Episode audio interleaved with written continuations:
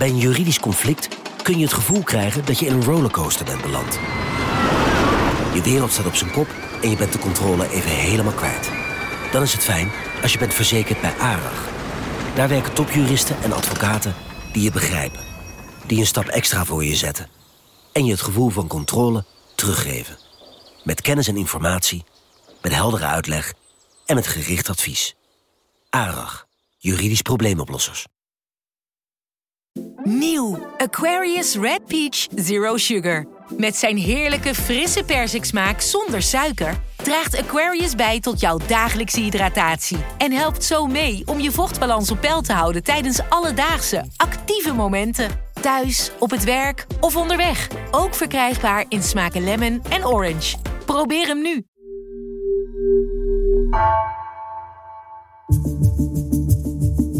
Vanaf de redactie van NRC het verhaal van vandaag. Mijn naam is Geertje Tunter.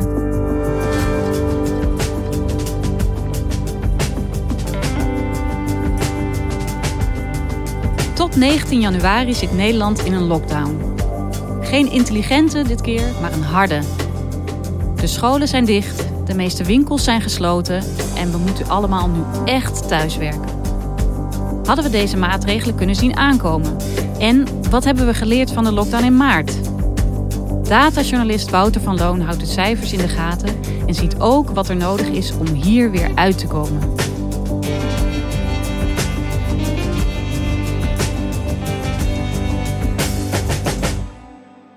Wouter, ja, we zitten weer in een lockdown. ik moet zeggen dat ik best wel een beetje verrast was. Ook al kwam er natuurlijk best wel wat slecht nieuws op ons af de afgelopen tijd al. Jij bent datajournalist, jij zit al weken naar die cijfers te kijken. Was jij ook verrast? Ja, ik was ook al verrast. Vooral door de snelheid. We hebben natuurlijk vorige week nog een persconferentie gehad.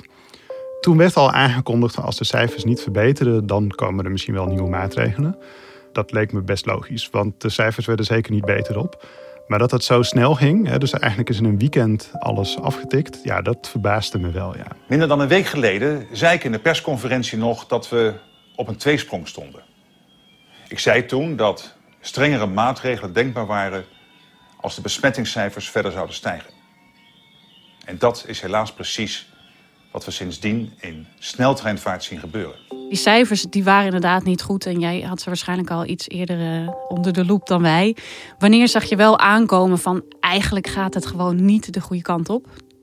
Nou, eigenlijk een week of drie geleden al. De eerste weken na de gedeeltelijke lockdown zag je dat die cijfers best wel hard gingen dalen. Maar drie weken geleden toen vlakte dat ineens af. En uh, nou, bleef het een beetje op hetzelfde niveau hangen. En dat was wel een hoog niveau. En ja, dan kun je er eigenlijk op wachten. Dat op een gegeven moment gaat het meer worden. Eigenlijk kort gezegd, na die soort van halve lockdown vanaf 14 oktober, we dachten eventjes, dit gaat wel goed komen. En het is dus niet zo gebleken. Nee, en het is ook wel een beetje de vraag hoe goed die gedeeltelijke lockdown nou echt heeft gewerkt. Dus die was bijvoorbeeld veel minder streng dan in maart. En nu zag je dat mensen zich ook wat minder goed aan die regels hielden. Dus dat er meer mensen naar hun werk gingen. Het was drukker in de winkelstraten. Het is een soort combinatie van omstandigheden, denk ik. Aan de ene kant waren de maatregelen minder streng. En aan de andere kant hielden mensen zich er minder goed aan. Natuurlijk. We zijn allemaal mensen die niet perfect zijn. En we vinden het allemaal moeilijk ons 100% altijd en overal aan de regels te houden. Daar gaat het ook veel over in gesprekken tussen mensen, online en in de media, en dat snap ik. Je mag niet meer dan drie personen uitnodigen. Denk je dat veel mensen zich daaraan gaan houden? Nou, ik denk niet. Nee? Ze zijn denk ik wel klaar met die maatregelen. Ja, ik denk hetzelfde, want we zijn nu al een jaar lang is het virus COVID-19 er. Ik denk dat ze nu al een beetje klaar mee zijn. Mensen houden zich minder goed aan de maatregelen. Dat hebben we natuurlijk meer gehoord. En dan hebben we het vaak gehad over jongeren. De jongeren doen het niet goed. Is dat in dit geval ook zo? Kunnen we het op de jongeren afschrijven? Nou, ik vind het moeilijk om te zeggen welke groepen zich precies wel niet aan de maatregelen houden. Maar je ziet wel dat het in het hele land oploopt. Hè? Dus eh, het aantal positieve tests. Dat is niet alleen maar in de steden, zoals je dat eh, afgelopen zomer vooral zag. Maar het gaat door het hele land. Ook in Groningen, waar de aantallen echt wel eh, lager zijn, daar zie je het ook oplopen. En er zijn hier en daar wel wat extra brandhaarden. Maar er, ja, eigenlijk ontsnapt geen enkele regio eraan. En dat maakt het dus ook lastig om specifieke oorzaken aan te wijzen, zoals Black Friday of Sinterklaas, of uh, dat het vooral bij onder studenten of jongeren zit. Dat is niet zo. Het is echt een brede stijging zonder dat je daar een specifieke oorzaak voor kunt aanwijzen.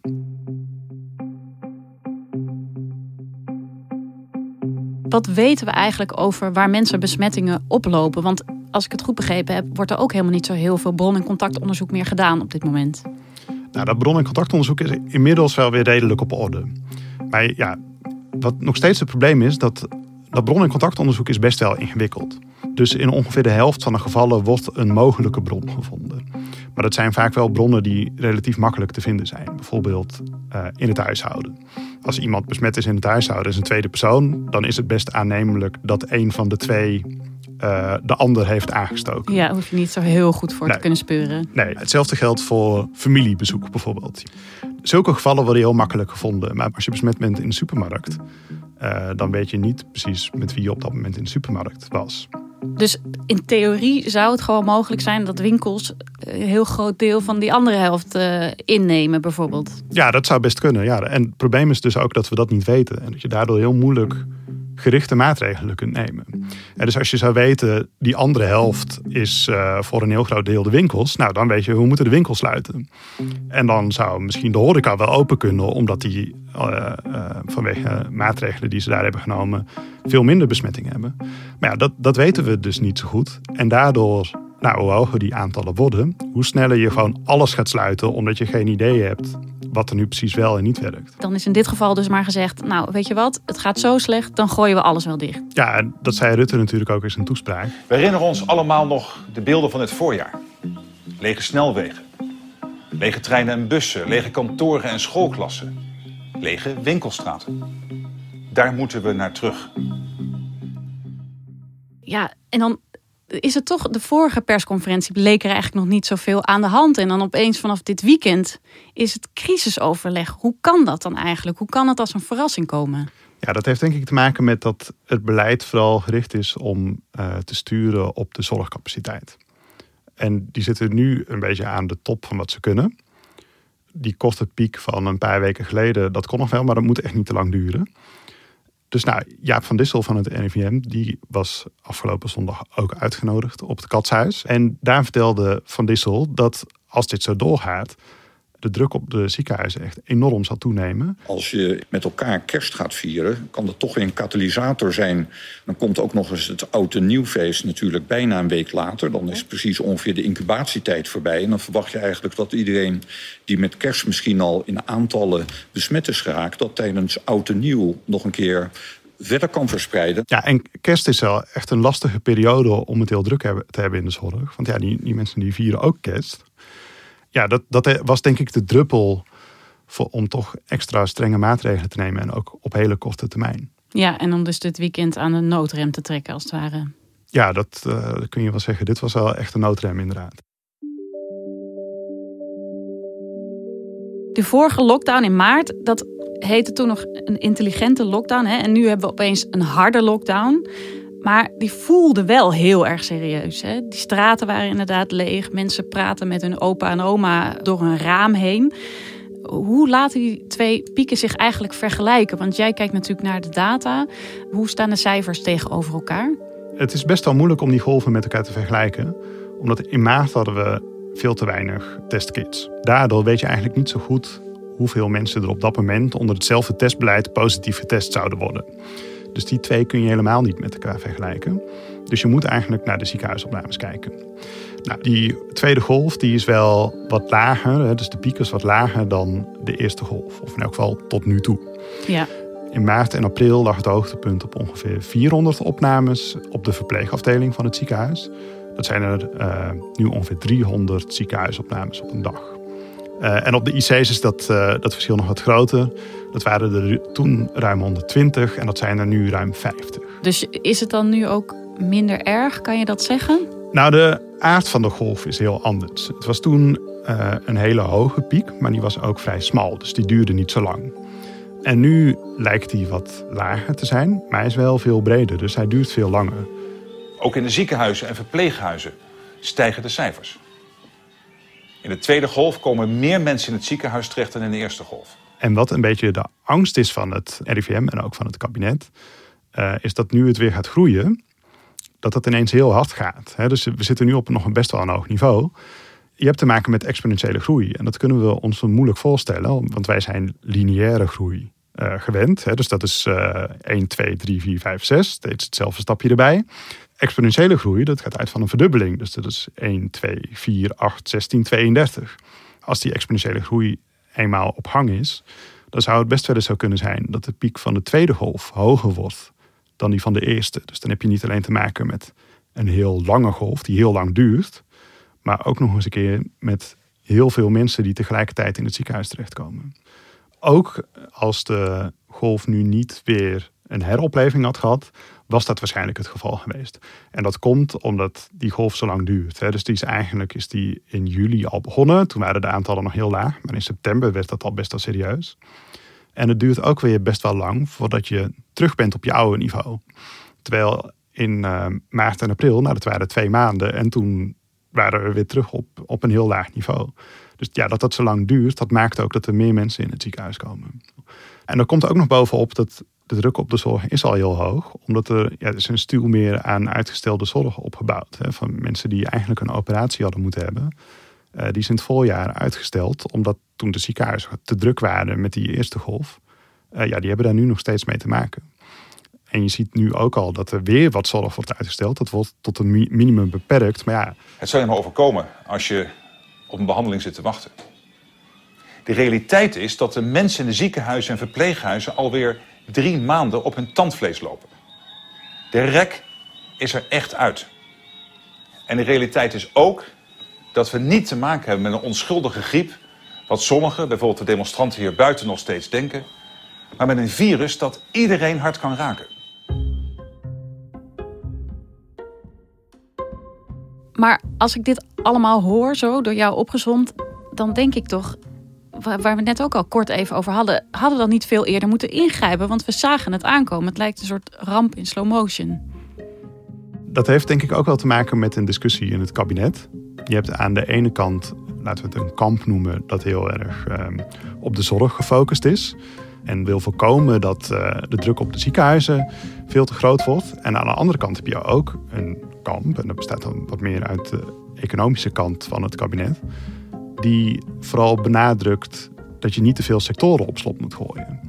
En ja, zolang die uh, cijfers niet al te hoog worden, is dat kamp gewoon wat mondiger. En nu lopen die aantallen zo snel op dat ze, denk ik, minder geneigd zijn om heel hard te roepen: dit kunnen we allemaal niet doen. Ja, dus met zulke hoogoplopende cijfers zijn we gewoon minder geneigd om de economie te sparen. Ja, wat je nu ook zag, is dat het argument werd aangedragen dat uh, als dit zo doorgaat, dat de horeca nog veel langer gesloten zou moeten blijven. Dus misschien spelen economische argumenten nu ook al een rol, maar juist de andere kant op. van als we dit verder uit de hand laten lopen, dan moeten we nog veel langer en strenger ingrijpen. Dus de pleister moet eraf getrokken worden. Precies. Als we nog wat dieper ingaan op de maatregelen, wat heel erg opvalt en wat misschien ook wel als een verrassing kwam, is dat de scholen vanaf vandaag weer dicht gaan. Terwijl dat volgens mij heel lang geen onderwerp van gesprek was. En ook een maatregel was waar het kabinet eigenlijk helemaal geen zin in heeft. Um, waarom dan nu opeens wel? Nee, ik, ik denk dat het heel lang onderwerp van gesprek is geweest. En juist omdat het kabinet dat eigenlijk niet wilde. Dus er waren hier en daar wel wat groepen. Bijvoorbeeld het Red Team, dat is dan een soort uh, groep van onafhankelijke experts die uh, ongevraagd het kabinet advies geeft. En dat Red Team dat zegt nu, we moeten een maand lang, vier weken, volledig in lockdown. Zo zeggen zij dat we echt zo min mogelijk bij elkaar moeten komen. Scholen twee weken dicht moeten gaan. Maar het kabinet wilde daar eigenlijk niet aan, omdat ze onderwijs te belangrijk vonden. Dus dat zijn jonge mensen, die staan al stil in hun ontwikkeling.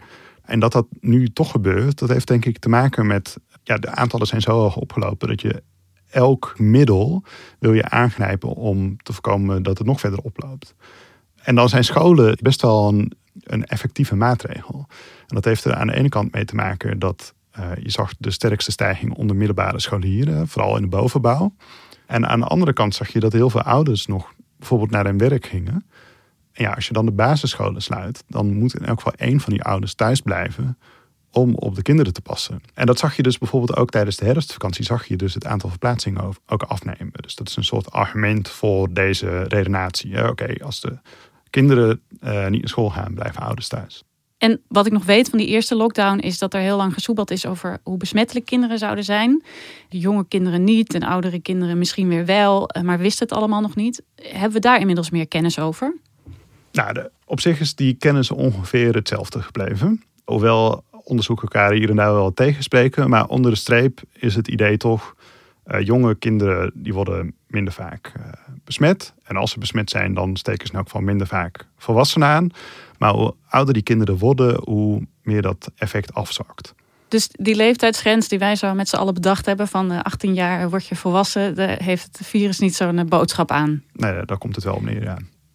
Maar voor de komende tijd is dus ook de hoop dat die ouders meer gaan thuiswerken. Uh, want ja, ze zullen nu wel echt moeten. Is dat thuiswerken dus echt zo belangrijk? Dat, dat deze maatregel daarvoor uh, min of meer uh, ingesteld is? Nou, het probleem is dat we dat dus ook niet zo goed weten. Je ziet in elk geval wel uit het bron- en contactonderzoek blijkt wel dat er best wel een grote groep op een werkplek besmet wordt.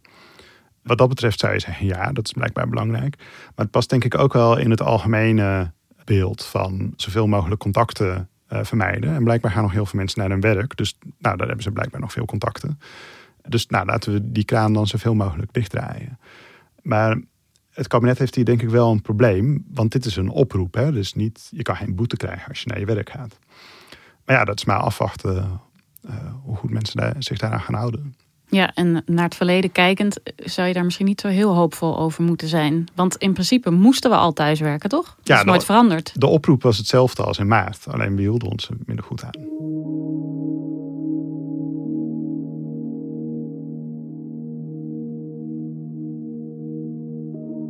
Wouter, we zitten nu dus in deze harde lockdown. Wanneer weten we wat meer? Wanneer weten we of het helpt, deze maatregelen? Ja, er zijn eigenlijk drie typen cijfers waar je naar kunt kijken. En hoe langer het duurt, zou je kunnen zeggen hoe betrouwbaar die cijfers worden. Dus de eerste is, dat zouden we misschien deze week al kunnen zien, hoe goed mensen zich aan de maatregelen houden. Bijvoorbeeld Google verzamelt allemaal gegevens over hoe mensen zich verplaatsen, hoe vaak en waar naartoe. Als dat flink afneemt, dan zou je kunnen zeggen, blijkbaar houden mensen zich goed aan deze regels. En dan weet je natuurlijk nog niet of dat, dat ook minder besmettingen oplevert. Dus gaat dan het aantal mensen dat een positieve test heeft gekregen, gaat dat naar beneden. Als er een afname komt, zou je dat over ongeveer anderhalve week moeten kunnen zien. En dan de betrouwbaarste cijfers, dat is na ruim twee weken. En dat zijn de ziekenhuisopnames. Dat is niet afhankelijk van testbeleid of uh, hoeveel mensen er bereid zijn om naar de teststraat te komen. Maar dat is gewoon, ja, je wordt opgenomen of niet. Als dat gaat dalen, zou dat over ongeveer 2,5 week moeten zijn.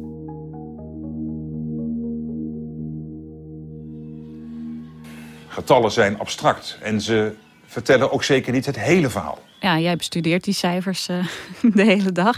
Wat vind je daarvan? Wat, wat, wat bedoelt hij daarmee, denk je?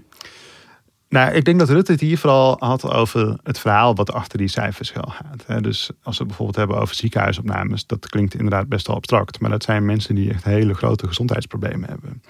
Bijvoorbeeld uit de eerste golf ligt nog steeds één persoon al acht maanden uh, onafgebroken op de intensive care.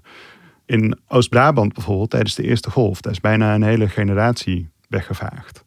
En ja, dat was natuurlijk het, de brandhaard van de eerste golf. Dus er zijn heel veel 80-plussers toen die daar zijn overleden. Ja, dus die cijfers die je elke dag hoort, die klinken heel abstract. Maar daar, ja, daar gaan natuurlijk gewoon mensen achter schuil die, uh, die grote gezondheidsproblemen kunnen hebben.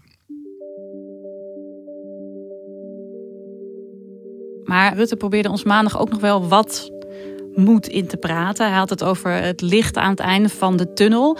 Dan vraag ik me natuurlijk af, wat is dat licht en wanneer gaan we dat mogelijk zien? Ja, we hopen dat we in januari uh, de eerste prikken kunnen zetten. Dus dat het vaccin eraan komt.